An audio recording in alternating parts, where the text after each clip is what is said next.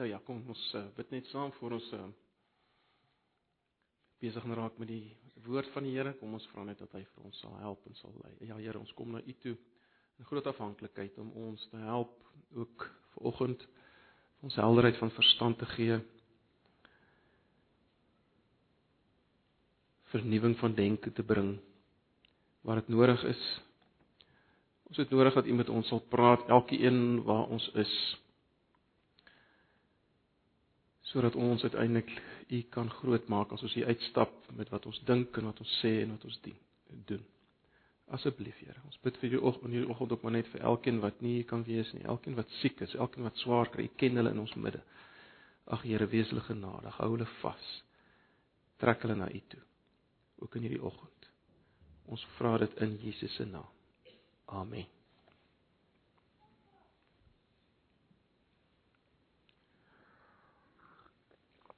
Nou ja, broers en susters, ons gaan nie vanoggend ehm uh, na 'n spesifieke gedeelte kyk nie. Julle sal weet ons is nou klaar met uh, 1 Petrus met ons sistematiese studie van 1 Petrus. En ehm um, ek is eintlik gevra om sekere sake aan te raak wat in 1 Petrus voorkom waarop ons nie regtig diep ingegaan het nie. Ehm uh, sake wat uh, vrae laat ontstaan by mense ehm um, en ons het nie al die vrae hanteer noodwendig in ons uh, sistematiese deurgaan daarvan nie. Uh so daar's gevra dat ek dit sal hanteer in kom ons noem dit onderwerpspreuke of uh topical preaching sal doen daarop soos mense in Engels sal sê. Nou ons het eintlik net uh, twee geleenthede voordat ons met ons volgende boek, die boek Joshua gaan begin. Ehm uh, maar ons kan dalk ook uh ons sal maar sien hoe die dinge werk dalk in die Oktober vakansie dalk ook nog sake aanraak wat wel uh aan Petrus voorgekom het waarop ons nie diep ingesak het nie. Nou een van die sake uh wat ek gevra is om aan te raak is die hele saak van onderdanigheid. Uh en dan spesifiek die onderdanigheid van die vrou, maar natuurlik bly die die hele kwessie van onderdanigheid aan die owerhede, onderdanigheid aan kerkleiers, ouderlinge, kerkleiers, uh onderdanigheid van kinders teenoor hulle ouers. Al hierdie dinge bly natuurlik uh kwessies. Dit is dit is dinge waaroor ons dink waaroor baie vrae gevra word. Uh ek kan nie op alles vanoggend ingaan nie, maar ek vertrou dat die die implikasie van van dit wat vanoggend gaan sê ook vir al hierdie verhoudings duidelik sal wees. Alhoewel ons nie spesifiek daarin tyd gaan spandeer nie. Ons gaan spesifiek meer dan fokus op uh op die man-vrou verhouding uh onderdanigheid daar. Nou dit is 'n gewellige moeilike onderwerp uh en my moed het my amper begewe om om om dit aan te pak, maar uh, ek vertrou dat wat ek ver oggend vir julle gaan gee, maar net 'n bietjie 'n wyeer horison dalk sal gee. Dis 'n poging om 'n wyeer horison te gee oor hierdie onderwerp, 'n wyeer Bybelse perspektief op hierdie onderwerp te gee. Ek dink 'n groot probleem uh by baie Christene is dat hulle biblisisties omgaan met die Bybel. Betekende dat as iets in 'n teks staan, dan dan staan dit daar. Dan is dit so.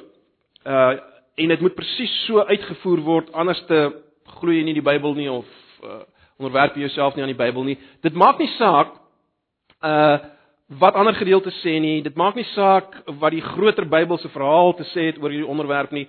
Dit, maak nie eintlik saak wat is die agtergrond en die omstandighede waarin die, die eerste skrywer uh uitspraak gemaak het en so meer nie. Dit is 'n groot gevaar by Christene. En uh, ons moet daarteen waak. nou, toe ons na 1 Petrus self gekyk het, het ons natuurlik elke gedeelte probeer hanteer binne sy konteks en ook toe ons gekyk het na die uh na die hele kwessie van onderdanigheid. Maar vanoggend soos ek sê, wil ek dit spesifiek vanuit 'n 'n groter perspektief benader. Miskien spesifiek om dit meer spesifiek te maak, om die vraag uiteindelik te probeer beantwoord. Wat van vrouens wat deur hulle mans mishandel word? Dis iets wat ons al meer kry. En uh, uiteindelik is dit miskien die groot fokus wat of die groot ding waarby ons wil uitkom. Wat van fisiese emosionele mishandeling? Uh maar natuurlik is is, is gaan dit oor baie meer as dit. Nou ek herinner julle maar net aan aan die aan die hoeveelheid kere wat die woord onderdanigheid in 1 Petrus voorkom. Ek weet nie of julle dit al vergeet het nie. Uh, ons kry dit in 1 Petrus 2 vers 13. Wees dan onderdanig aan elke menslike verordening. Ons kry dit in 1 Petrus 2 vers 18. Diensknegte wees aan julle Here onderdanig. Uh ook aan die wat verkeerd is, uh sê die einde van die vers.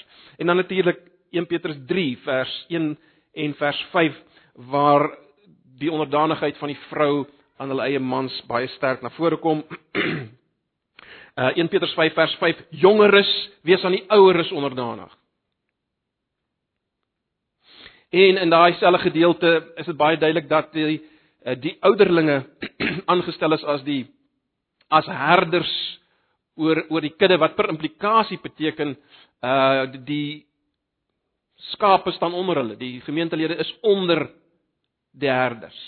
Uh alhoewel dit nie eksplisiet daar gesê word nie. En en dan natuurlik is daar eksplisiet eksplisiet melding van die feit dat ons ons moet verneder onder die kragtige hand van God. Nou as mens hierdie dinge lees dan uh, ek dink by baie van ons onmiddellik is daar 'n tipe van 'n kriewelrigheid en ongemaklikheid. Al hierdie onderdanigheid. Uh want ons weet almal en ons is almal bewus van gevalle waar dit lei tot gruwelike mishandeling en onreg. Uh aan die een kant of aan die ander kant waar daar net geen sprake is van onderdanigheid nie. Maak nie saak watter kant nie. Uh ons is baie bewus daarvan. Ons is miskien spesifiek bewus van van vrouens wat veral vasgevang is uh in huwelike waar daar mishandeling is van een of ander aard. Dink ons is almal bewus daarvan. Ons ken almal voorbeelde volgens. Uh, al meer en meer hoor 'n mens van uh die sogenaamde narcistiese afwyking, narcissisme by by mans. Uh dit is baie algemeen deesdae. Ek weet nie hoekom nie, maar dit is jy sien dit oral, mense hoor dit oral. Ehm uh, mans wat baie oulik is as hulle uitgaan met die meisie. Wonderlike ouens is uh doen alles baie romanties, baie oulik. En die oomblik as hulle getroud is, dan uh begin hulle die vrouens manipuleer en beheer en besitlik. Hulle is geweldig besitlik en hulle is jaloers en dit lei uiteindelik tot dikwels gewelddadige mishandeling. En baie van hierdie ouens maak daarop aanspraak om Christene te wees. Ek het ruk uh, ruk terug weer gehoor van 'n geval van 'n 'n meisie wat by 'n Bybelskool so ou ontmoet het. Baie ek gaan nie name noem in die Bybelskool nie want dan gaan julle dalk afleidings maak, maar baie bekende Bybelskool en en en en hierdie ou het hierdie probleem gehad. So ons praat van Christene. En hierdie ouens ehm um, sal dikwels daarop aandring dat die dat hulle vrouens aan hulle onderdanig is. Want die Bybel sê dit. Aan die ander kant, baie Christen vroue voel hulle kan nie hierdie ouens los nie of soortgelyke gevalle los nie, want hulle is dan geroep om onderdanig te wees En implika, implikasie moet hulle nie lei as Christene nie. Ek meen wat van 1 Petrus 2 vers 18 waar daar gesê word diensknegte moet selfs onderdanig wees aan die wat nie reg is nie. Uh so moet hulle nie maar lei nie. Skei is tog uit. Dis dit wil so die denke loop. Ek lees 'n uh, 'n navorsing oor domestic violence, die volgende uitspraak. Daar staan uh, ek lees the past two decades of research has also shown women in religious communities are less likely to leave violent marriages, more likely to believe that the abuser will change, less inclined to access community resources, and more likely to believe it is their fault, and that they have failed as wives, as they were not able to stop the abuse. En dis baie waar.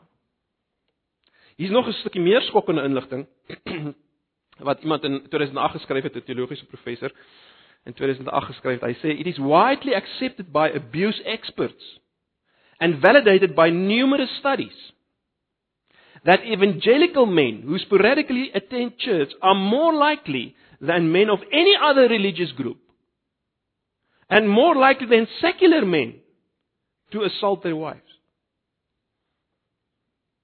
Dis 'n bietjie skokkend. So broers en susters in lig van dit dink ek dis baie belangrik dat ons hele begrip van van heerser, leier, hoof en onderdanigheid dat ons dit binne die groter konteks van die Bybel plaas. En soos ek sê vanoggend is maar net 'n 'n poging om om om om 'n begin te maak. Uh ek weet nie hoe genoem daarop aanspraak maak dat dit volledig is nie. Maar ons moet kyk na hierdie begrip binne die groter Bybelse verhaal. Kom ons dink eers, hoe word God uitgebeeld in die Bybel? Hoe word God uitgebeeld in die Bybel? Wel, uh, ek het gaan kyk, omtrent 54 keer word God die allerhoogste genoem in die Bybel. God as koning kom oral voor. Ag, uh, ek het nou nie spesifiek gaan tel daar, dit gaan tel nie, maar dit is oral dat God die koning is. Dink aan Jesaja 44 vers 6, so sê die Here, die koning van Israel. God word ook uitgebeeld as die man van sy vrou Israel. En later Jesus uit word uitgebeeld as ons bruidegom en ons as Christene as sy kerk sy bruid. So so God as man. God word uitgebeeld as herder. Ons almal ken Psalm 23. God word uitgebeeld as herder. En die term wat al hierdie goed saamvat is natuurlik die term heerser. En ag weer eens julle almal vandag het Bybelprogramme ensovoorts, julle gaan gaan, gaan kyk hoeveel keer die term heerser vir God gebruik word. Maar al hierdie dinge wat ons nou gesê het, herder, man, koning, lê agter hierdie term heerser. Dis wie hierdie heerser is en hoe hierdie heerser lyk. Uh, ons vind die term heerser oral in die Ou Testament. Uh, dat God die heerser is van die wêreld. In die Ou Testament word reeds voorspel dat Jesus sal kom as heerser. Heerser, luister net maar na Micha 5 vers 1. En jy Bethlehem Efrata, klein om te wees onder die geslagte van Juda, uit jou sal daar van my uitgaan een wat 'n heerser in Israel sal wees. In die Nuwe Testament sê Paulus dat dat dat God heerser is en dan verwys hy in 1 Timoteus 6 vers 15 uh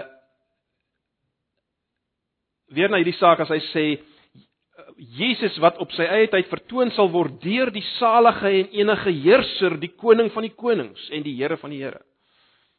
So ook die Nuwe Testament verwys na God as die heerser. En dan in die laaste boek van die Bybel in Openbaring, uh kry ons dit weer, Openbaring 6 vers 10. En hulle het met 'n groot stem uitgeroep en gesê: "Hoe lank, o heilige en waaragtige heerser, oordeel en wreek u nie uh, wreek u nie ons bloed op die bewoners van die aarde nie?" Heilige en waaragtige heerser. So heerskap word verbind in die Bybel baie duidelik met God en Jesus. Wat is die implikasie daarvan? Wel die implikasie daarvan is die wat aan hom behoort lewe per definisie in onderdanigheid. As hy die allerhoogste, as hy die heerser is, dan dan's die wat aan hom behoort onder hom. Dit, dit is baie logies, né? Nee? Dis per implikasie so. Maar baie belangrik, hoe lyk hierdie plek van onderdanigheid? Hoe lyk hierdie plek van onderdanigheid aan God as ons kyk na die Bybel? Vergeet van uh, al die skewe idees daar buite. Hoe lyk dit as ons kyk na die Bybel? En julle sal saamstem om onder God se heerskap, sy leierskap, sy herderskap, sy bruidegomskap, net soos jy dit wil stel, sy man wees te wees, is die beste plek om te wees. Ag, gaan dink net aan Psalm 23.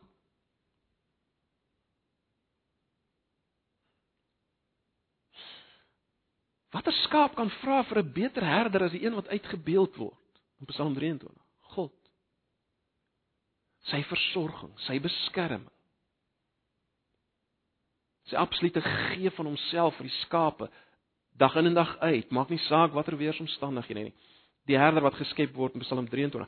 Dink aan uh die beeld van God in Hosea as man van die volk Israel. Hy tel Israel as klein bebloede baba dogtertjie wat weggegooi is op. En hy sê leef en hy hy klee haar en hy maak haar groot. En hy versorg haar op alle maniere. En alles sy weer en weer besig om van hom weg te hoereer, gaan haal hy haar weer. Dis die man. God die man wat uitgebeeld word in Hosea. Ag ons kan nog baie hieroor uitbrei. Ons kan nie genoeg praat oor God se heerskap en die hoe wonderlik dit is om onder sy heerskap te wees nie. Ons word nooit daarin gedwing nie. Maar nou, en dis baie belangrik. Dis baie duidelik dat God hierdie patroon van heerskap en onderdanigheid let wel onderdanigheid wat baat by die heerskap oral wil vestig. As ons teruggaan na die skepingsverhaal toe, dan sien mense dit al, al klaar. Mens sien dit selfs in die fisiese skepping en die skepping van die natuur. Luister net na Genesis 1 vers 16. God het toe die twee groot ligte gemaak, die groot lig om te heers oor die dag uh, en die klein lig om te heers oor die nag. Vers 17 God het hulle aan die uitspansel van die hemel gestel om lig te gee op die aarde en om te heers oor die dag en nag uh en om skeiding te maak tussen lig en duisternis. Onmiddellik is hierdie hierdie heerskappy en die fisiese natuur sien mense ook is goed. Dis om skeiding te maak tussen lig en duisternis. Dis goed. En waar dit sê, toe, daar staan, toe sien God dat dit goed was. toe sien God dat dit goed was. Maar God gaan verder en ons lees in Genesis 1 vers 26. Ons ken dit almal. En God het gesê, laat ons mense maak na ons beeld, na ons gelykenis en laat hulle heers. En dan word al die dinge genoem waaroor hulle moet heers. Vers 28 weer van Genesis 1 en God het hulle geseën. En God het vir hulle gesê: "Wees vrugbaar, vermeerder, vul die aarde, onderwerp dit en heers oor die visse van die see en die voëls van die hemel en al die diere wat op die aarde kruip." Wat ons weer moet sien en wat ons diep onder die indruk moet van wees vanoggend is die is is die geweldige positiwiteit rondom heerskappy. Heers word positief gestel en die oor wie geheers word is 'n positiewe bevoordeelde posisie. Let wel waar daar geen heerser is nie of waar daar wanneerskappy is, word dit baie negatief deur die Bybel gestel. Uh 'n interessante voorbeeld is Habakuk 1 vers 13 waar Habakuk vooruitkyk na die na die ballingskap wat gaan kom en dan uh, dan sê Habakuk want God het eintlik vir hom gesê dis wat gaan gebeur en dan sê Habakuk in Habakuk 1 vers 13 U wat terrein is van oë om die kwaad aan te sien. Luister na die woorde en die, en en die onreg nie kan aanskou nie. Waarom aanskou u die trouelose? Swyg u wanneer die goddelose die verslind wat regverdiger is as hy? Want dis nou dis nou wat so gebeur in die ballingskap. En dan vers 14 is belangrik. So maak u dan mense soos visse van die see, soos kruipende gediertes wat geen heerser oor hulle het nie. So per definisie geen heerser is 'n toestand van onreg, kwaad, geweld en so meer. Dis waar geen heerser is nie. So, wat was God se oorspronklike bedoeling by die skepping? Wel baie duidelik broers en susters, God se bedoeling by die skepping is 'n verhouding met mense waar hulle onder hom is. Maar let wel, hierdie heerskap van God se kant af was die manier hoe God gewys het dat hy vir hulle lief is en dat hy die beste vir hulle wil. En hulle onderdanigheid aan hom was die manier hoe hulle gewys het dat hulle God liefhet. Dit dit dis dis wat God wou van die begin af. En baie belangrik, baie gou moes hierdie verhouding weerspieël word Hierdie patroon van heerskap en onderdanigheid wat God daar gestel het, moes sigbaar word oor die hele skepping.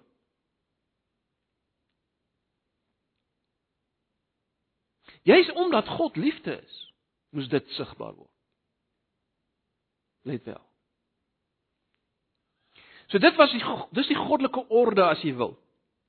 En dit moes so wees ook in die verhouding man en vrou. Nou in in in die vroeë verse of vroeë gedeeltes van Genesis word dan nie eksplisiet gesê die vrou moet onderdanig wees aan die man nie. Maar wat bespreek implikasie en as jy kyk na Nuwe Testament uitsprake is dit baie duidelik. Uh mense dink aan aan aan Kolossense 11 vers 7 wat sê ehm uh, die man is die beeld en heerlikheid van God, die vrou is die heerlikheid van die man of in 1 Timoteus 2 vers 13 wat sê want Adam is eerste gemaak en daarna Eva. Maar dit is baie duidelik in die, ook in die Bybel dat dit die, dis die beste plek vir die vrou.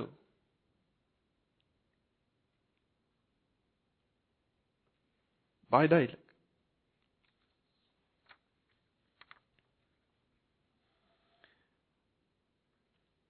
So dis die patroon wat God bevestig op die aarde, baie duidelik. Tussen mens en skepping en tussen mens en mens. En baie belangrik, let wel, dit was voor die sondeval. Binne die volmaakte realiteit moes daar 'n afbeelding wees van God op alle vlakke. Met ander woorde, as jy by wyse van spreuke van bo af sou kyk na die skepping en jy sou hierdie patroon sien van heerskap en onderdanigheid, dan sou jy God sien en jy sou sê dis goed. Dis absolute liefde. Dis wat jy sou sien. Op alle vlakke. Maar toe kom die sondeval. Ons ons ken die verhaal. Wat was die sondeval uit een hoek gesien? Wel, uit een hoek gesien was die sondeval 'n verbreeking van hierdie orde. Die mens wat eh, onder God was in onderdanigheid aan God gewandel het met God, God wat in sy heerskap let wel gewandel het in die aandwindjie met die mens as heerser van die kosmos het hy gewandel met die mens. Hierdie verhouding is verbreek. Die mens begin om God se heerskap te bevraagteken. Onder versoeking van die Satan wat natuurlik God se heerskap verwerp het, begin die mens die heerskap van God bevraagteken. Uh Hy wil nie meer onder God staan nie en let wel dis die kern van sonde. Dis ver oggend nog die kern van sonde. Jy wil nie onder God staan nie. Jy wil self besluit wat is reg en verkeerd, wat is lekker en nie lekker nie. Jy wil nie onder God staan nie. Maar baie gou het die mens uitgevind en vandag nog vind die mens uit, die mens wat nie onder God wil staan nie, dat daar nie regtig vryheid is buite God nie. dat daar nie werklik vreugde is en werklik vervulling nie, nie werklik lewe nie. Ons het al baie die beeld gebruik van die visie in die bak, né? 'n visie wat net gelukkig is as hy in die bak is. As hy wil vry wees en hy spring uit die bak, dan vrek hy. En dit is vandag nog so. Mense wat wil vry wees, net maak wat hulle wil, vrek geestelik gesproke. Want jy kan nie, dis nie waarvoor jy gemaak is nie. Maar goed. Op alle vlakke na die sondeval kom daar 'n spanning nou tussen hierdie tussen heerskap en onderdanigheid. Selfs die selfs die fisiese skepping wat by wyse van Spreuke sien ons na nadat God die vloek uitgespreek het. Die die skepping bring dorings en distels na vore. amper 'n teken van dat daar nie meer vrywillige onderwerping is aan die mens nie. Daar kom spanning. Ook in die verhouding man en vrou. En dit is baie interessant, let wel, Na die sondeval binne in die konteks van die vloek wat uitgespreek is, kom hierdie volgende uitspraak wat dikwels verkeerd verstaan word. Genesis 3 vers 16, dis na die sondeval, dis deel van die vloek wat God uitspreek. Aan die vrou het hy gesê, dis deel van die vloek wat hy uitspreek. Ek sal grootliks vermeerder jou moeite in jou swangerskap, met smart sal jy kinders baar en na jou man sal jou begeerte wees en hy sal oor jou heers. Dis nie 'n romantiese uitspraak nie. Inteendeel, Die betekenis hier is uh, uh, die, begrip na na na jou man sal jou begeerte wees beteken letterlik jy sal 'n begeerte hê om oor hom te heers. Dis hoe die woord later gebruik word by by by Kain. Sal 'n begeer dis 'n dis sal 'n begeerte wees om oor hom te heers. Maar hy sal oor jou heers. En hier het die gebrokenheid al begin, né? Eh, die vrou die begeer om te heers oor die man en die man onderdruk dit. Hy heers nou natuurlik as 'n gebroke gefalle mens. Het jy al die probleme wat jy het vandag nog. So dis wat dinge skeef geloop het. Heerskappy het negatief geword. Onderdanigheid het negatief geword. Maar kom ons dink vir 'n oomblik, wat doen God na hierdie geweldige ommekeer plaasgevind het. En dis baie belangrik.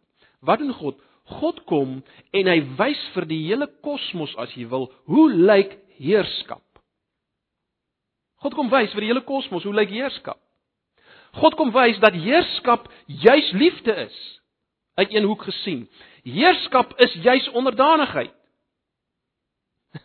hy hy hy wys vir die hele kosmos Hoe moet hierdie verhouding lyk? Dis wat ons sien aan die kruis. Dis uitgebeeld aan die kruis. Aan die kruis sien ons krag en mag en heerskap is liefde en onderdanigheid in sy diepste wese.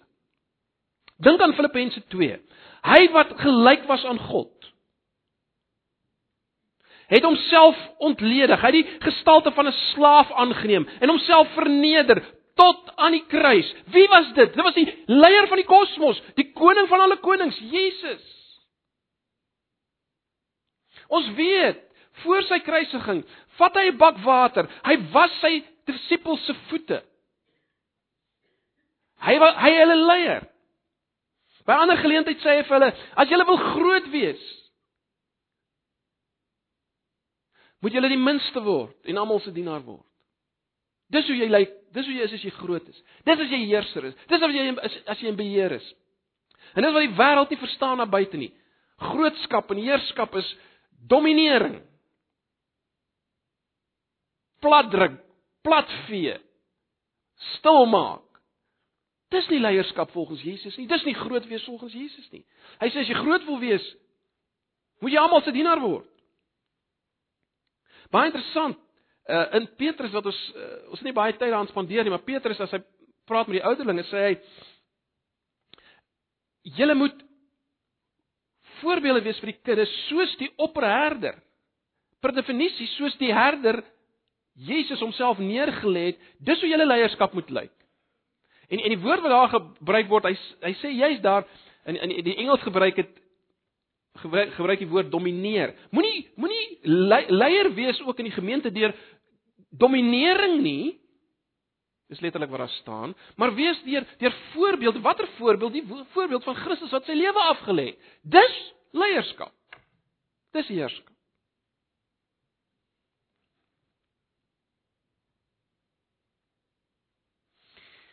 Maar nou, ons leef nou na die sondeval. Ons leef na die sondeval. En die vraag is natuurlik wil God steeds heerskap en onderdanigheid? Wel, uit 1 Petrus het ons duidelik gesien hy wil. Want jy sien dis juis deur die kruis wat hy dit weer kom moontlik maak. Behalwe al die ander dinge wat bewerk is deur die kruis, ons gaan nie nou daarop in nie is dit weer moontlik gemaak. Herstel van dit wat was. Wat is bekering? Wat beteken dit om tot bekering te kom? Dit beteken per definisie jy stel jouself weer onder God, onderdanigheid. Wat liefde is. Dis wat bekering is. En dis hoekom Petrus sê, sal julle onthou in 1 Petrus 5 ook. Dis hoekom hy sê God weerstaan die hoogmoediges maar aan die nederiges gee hy genade. Want dit is net hoe dit werk.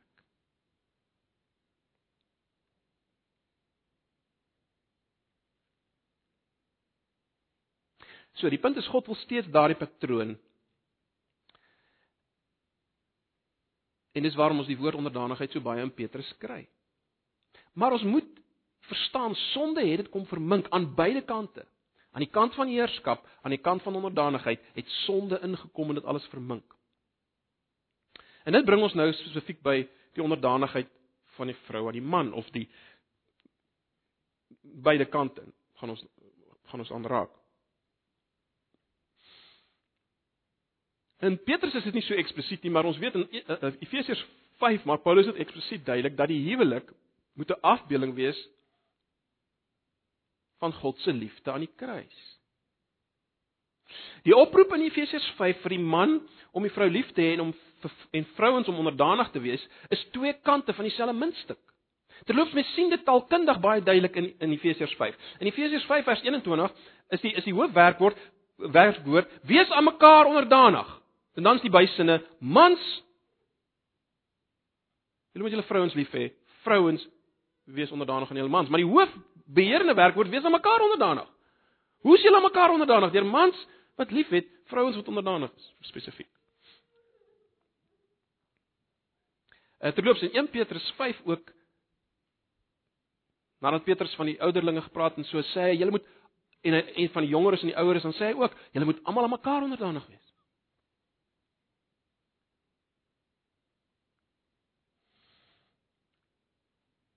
Maar goed, dis baie duidelik. Dis spesifiek steeds wat God wil, want dis 'n afbeelding van sy verhouding met ons. Nee, dis baie duidelik in Efesiërs 5. Die huwelik moet nie afbeelding wees van sy verhouding van heerskap en onderdanigheid.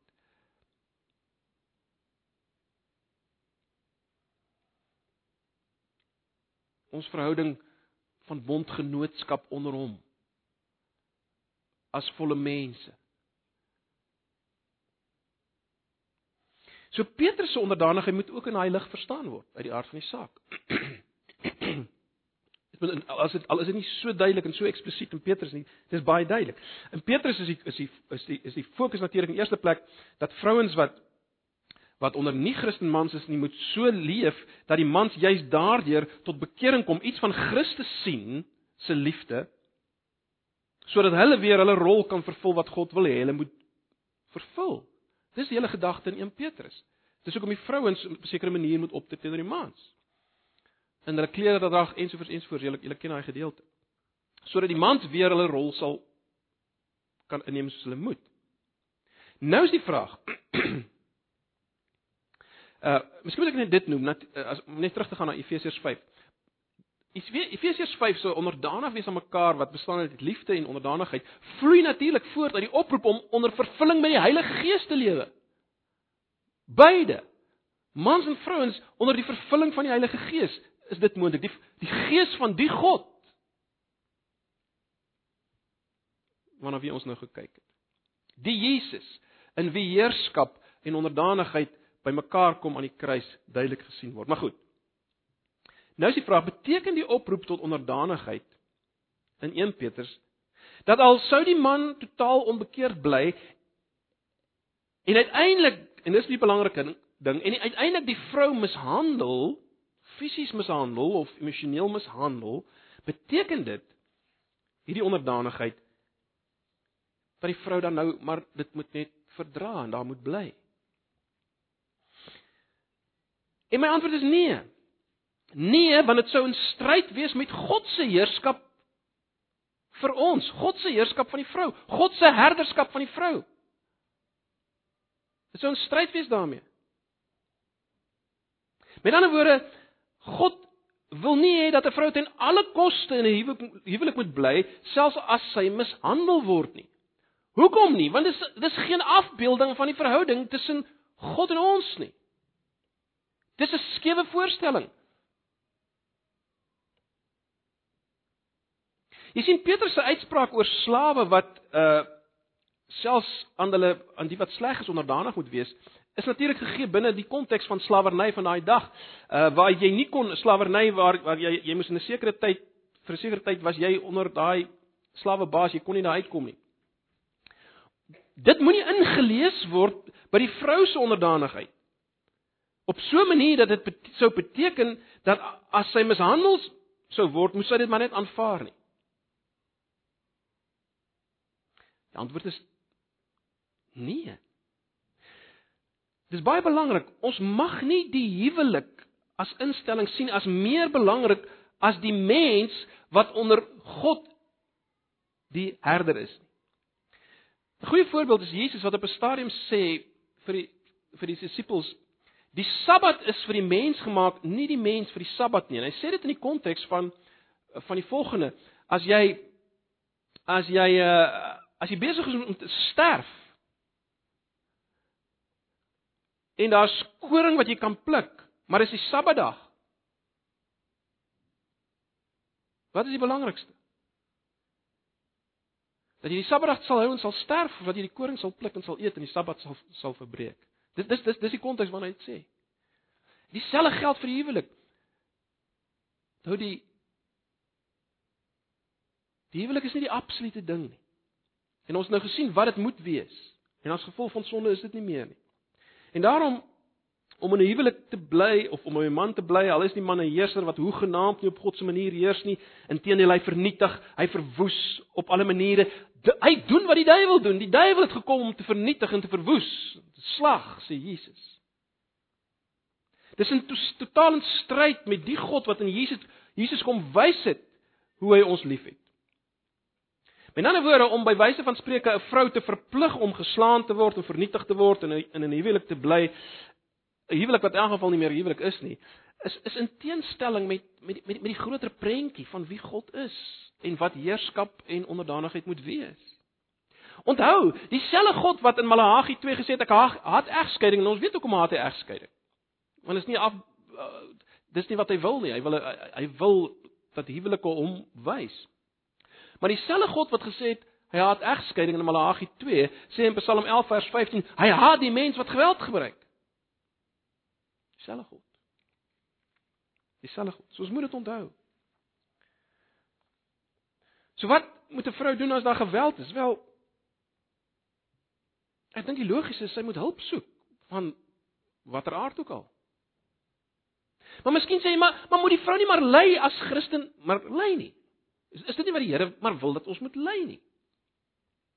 Nou, natuurlik is lyding deel van Christendom. En en die belofte is dat Jesus by sy kinders sal wees in lyding en hulle sal deurdra. Ons dis dis baie duidelik, verseker.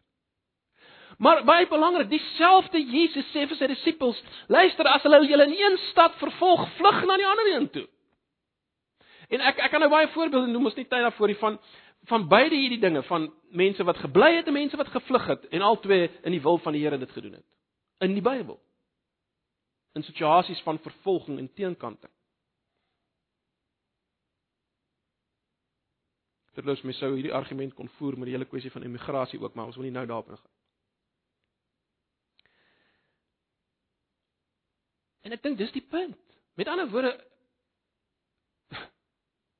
vlug is 'n imperatief as daar lyding is. Ook in 'n huwelik. En dit is baie interessant dat Romeine 13 sê dat die dat God die owerhede per implikasie die polisie gegee het om kwaadoeners te straf. So daarom is dit nie verkeerd vir Christen om die polisie te nader as jy mishandel word binne 'n huwelik. Natuurlik het jy die keuse om te bly. Natuurlik. En God sal jou nie los nie. maar ek ek dink die ding wat ons moet sien is dat beide vlug en bly is 'n Bybelse posisie in die lig van vervolging en teenkanting en lyding in die Bybel. En ek dink dieselfde geld vir die vir die huwelik waar daar geweld is. Jy kan bly. Maar die punt is jy kan ook vlug. En ek dink jy's daar kom 'n punt waar waar mense dalk moet vlug anders word jy aandadig aan dade wat God nie goedkeur nie. Wat God nie goedkeur nie. Maar miskien sê jy op hierdie punt, ja maar Jakobus, dis nou een ding om te sê jy moet vlug as jy mishandel word, maar maar wat van skei? Ons kan tog net skei as daar Jesus praat van net net as daar egbreek is. Nou ek, ek het nie vanoggend tyd om daai hele onderwerp om te gaan nie. Ek dink ons het dit al aangeraak. Ons het al op 'n stadium daaroor gepraat toe ons Markus gedoen het. Ek laat net hierdie gedagte in julle midde. Dit is baie interessant dat uh in die Bybel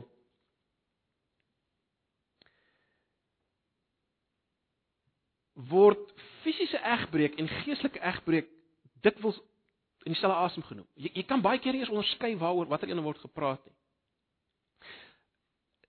Ek gee een voorbeeld, byvoorbeeld in ehm um, waar God praat oor sy eie huweliksverhouding in Jeremia 3 vers 8. Dan sê God: "En ek het gesien toe ek uit oorsaak van die oorspel van die afkeerige Israel haar verstoot en haar 'n skeybrief let wel gegee het, dat die ontroue haar suster Juda nie bevrees was nie, maar gegaan het en ook self gehoereer het." Daar sien ons baie duidelik dat Israel se oorspel en hoe redery was geestelik geweest en en en God gee skeybrief in in daai geval volgens hierdie vers. Dit is die beeld wat gebruik word. Maar dwars deur die Bybel en en as mens kom in Openbaring, gaan lees maar self Openbaring 17, Openbaring 18, Openbaring 19. Baie baie interessant. Die sogenaamde sedelose vrou wat ook Babylon is, ons nou dag daaroor gepraat. Waarvan 'n groot kenmerk is wreedheid bloedvergieting en al hierdie goeters. Hierdie vrou word uitgebeeld as 'n prostituut. As jy deel het aan haar, is jy besig met oorspel. Egbreek. Uit God se perspektief, is jy besig met egbreek. So wat ek maar net probeer sê is egbreek waarskynlik ook soos Jesus dit gebruik het, het 'n baie wyeer betekenis, ook geestelik. En verseker geweld en mishandeling is deel van egbreek in 'n sin uit God se perspektief. Ek laat dit in julle midde. Mense sou daaroor kon debatteer. Maar ek dink die beginsel is duidelik. Broers en susters in die groter prentjie. Uh hoe ons moet dink oor hierdie saak. Nou ons het alles gesê, het onthou, ons praat nou van gevalle waar daar geweld is, vernietiging is. Natuurlik kan dit emosioneel ook wees, maar fisies. Natuurlik God se wil is nie egskeiding verseker oor enige klein saakie nie. Uh, dis juist die punt wat Jesus wil maak ook in dit wat hy sê. Uh waar daar argumente is en risies en teleurstelling en al daai dinge, gee Jesus die voorbeeld hoe om hoe om op te tree. Nie vir jouself te veg nie, prysgawe en so meer. Dis baie duidelik. Wat God wil is onderwerping uh waar jou onderwerping aan die heerskap tot jou voordeel sal wees. Hy wil nie hê daar moet vrees onderwerping in vrees wees nie. Dit is nie God se wil nie. Natuurlik omdat dit 'n gevalle werklikheid is en die man is nie God nie en die man is nie Jesus nie, beteken onderwerping nooit van jy moet met alles saamstem presies soos die man, dan is jy onderdanig nie. Nee. Beteken nie jy moet jou brein as te ware ignoreer nie beteken nie jy moet nie jou man probeer positief beïnvloed tot verandering nie, verseker nie. En verseker beteken dit nie dat jy die man bo Christus stel nie. Die man se wil bo Christus stel. So onderwerping is verseker nie daai dinge nie. Maar goed, ek ek vertrou ons het net 'n bietjie van 'n breër perspektief om te dink oor hierdie dinge en en en en gaan werk dit self verder uit. Ek wil afsluit met die vraag: gaan daar op die nuwe aarde patroon van heerskap en onderwerping wees? Verseker. Ek dink ek het verlede Sondag daaraan geraak. Deel van ons heerlikheid, ons verheerliking, gaan juis weer wees om heersers te wees soos God bedoel het ons moet wees sonder sonde in 'n skepping wat vrygemaak is. Daarom sien die skepping met 'n reikhalsende verlange uit na die bekendmaking van die kinders van God, want die skepping self wil ook weer staan onder heersers wat is soos hulle moet wees. So daai patroon sal weer ook wees. Uh ons lees in ander gedeeltes dat ons sal heers uh en regeer en so meer. Ek wil nie nou daarop ingaan nie. Maar maar hierdie patroon sal ook na die na die koms van die Here Jesus op die nuwe aarde sal dit ook wees in 'n sekere vorm. Uh daar gaan nie meer huwelike wees nie, lees ons, maar daar gaan wel hierdie patroon wees. Broers en susters, dis maar 'n paar gedagtes wat ek met julle wou deel. Ek weet uh daar's nog steeds al daar vrae wees, dinge waaroor ons wonder, maar mag die Here ons help om uh oor hierdie hele saak um te dink binne die groter prentjie. Mag ons iets sien van die heerlikheid van wat God wil met heerskap en onderdanigheid. En laat ons vir eens en vir altyd wegkom van van enige vorm van negatiewe denke daaroor. Dis die tragiek van sonde en laat dit wat ons sien ons dryf na Christus toe, na dryf na verlossing toe, na bevryding toe. Op alle vlakke, alle verhoudinge of dit nou ouers en kinders is en maak nie saak nie. God wil herstel. God wil hê ons moet 'n weerskaatsing wees van wie hy is en ons onder hom. Mag die Here ons daarmee help. Kom ons kom ons sluit net af. Here, dankie vir u woord. Ons weet dat ons maar net pogings aanwend om iets te verstaan van wie u is en wat u wil. Help ons Here hiermee as ons ook verder daaroor gaan dink. Verander ons denke. Ons wil bid vir ons in hierdie gemeente. Ons almal wat staan in verskillende verhoudings van heerskap en onderdanigheid. Ag Here, dat ons totaal nie sal dink hieroor.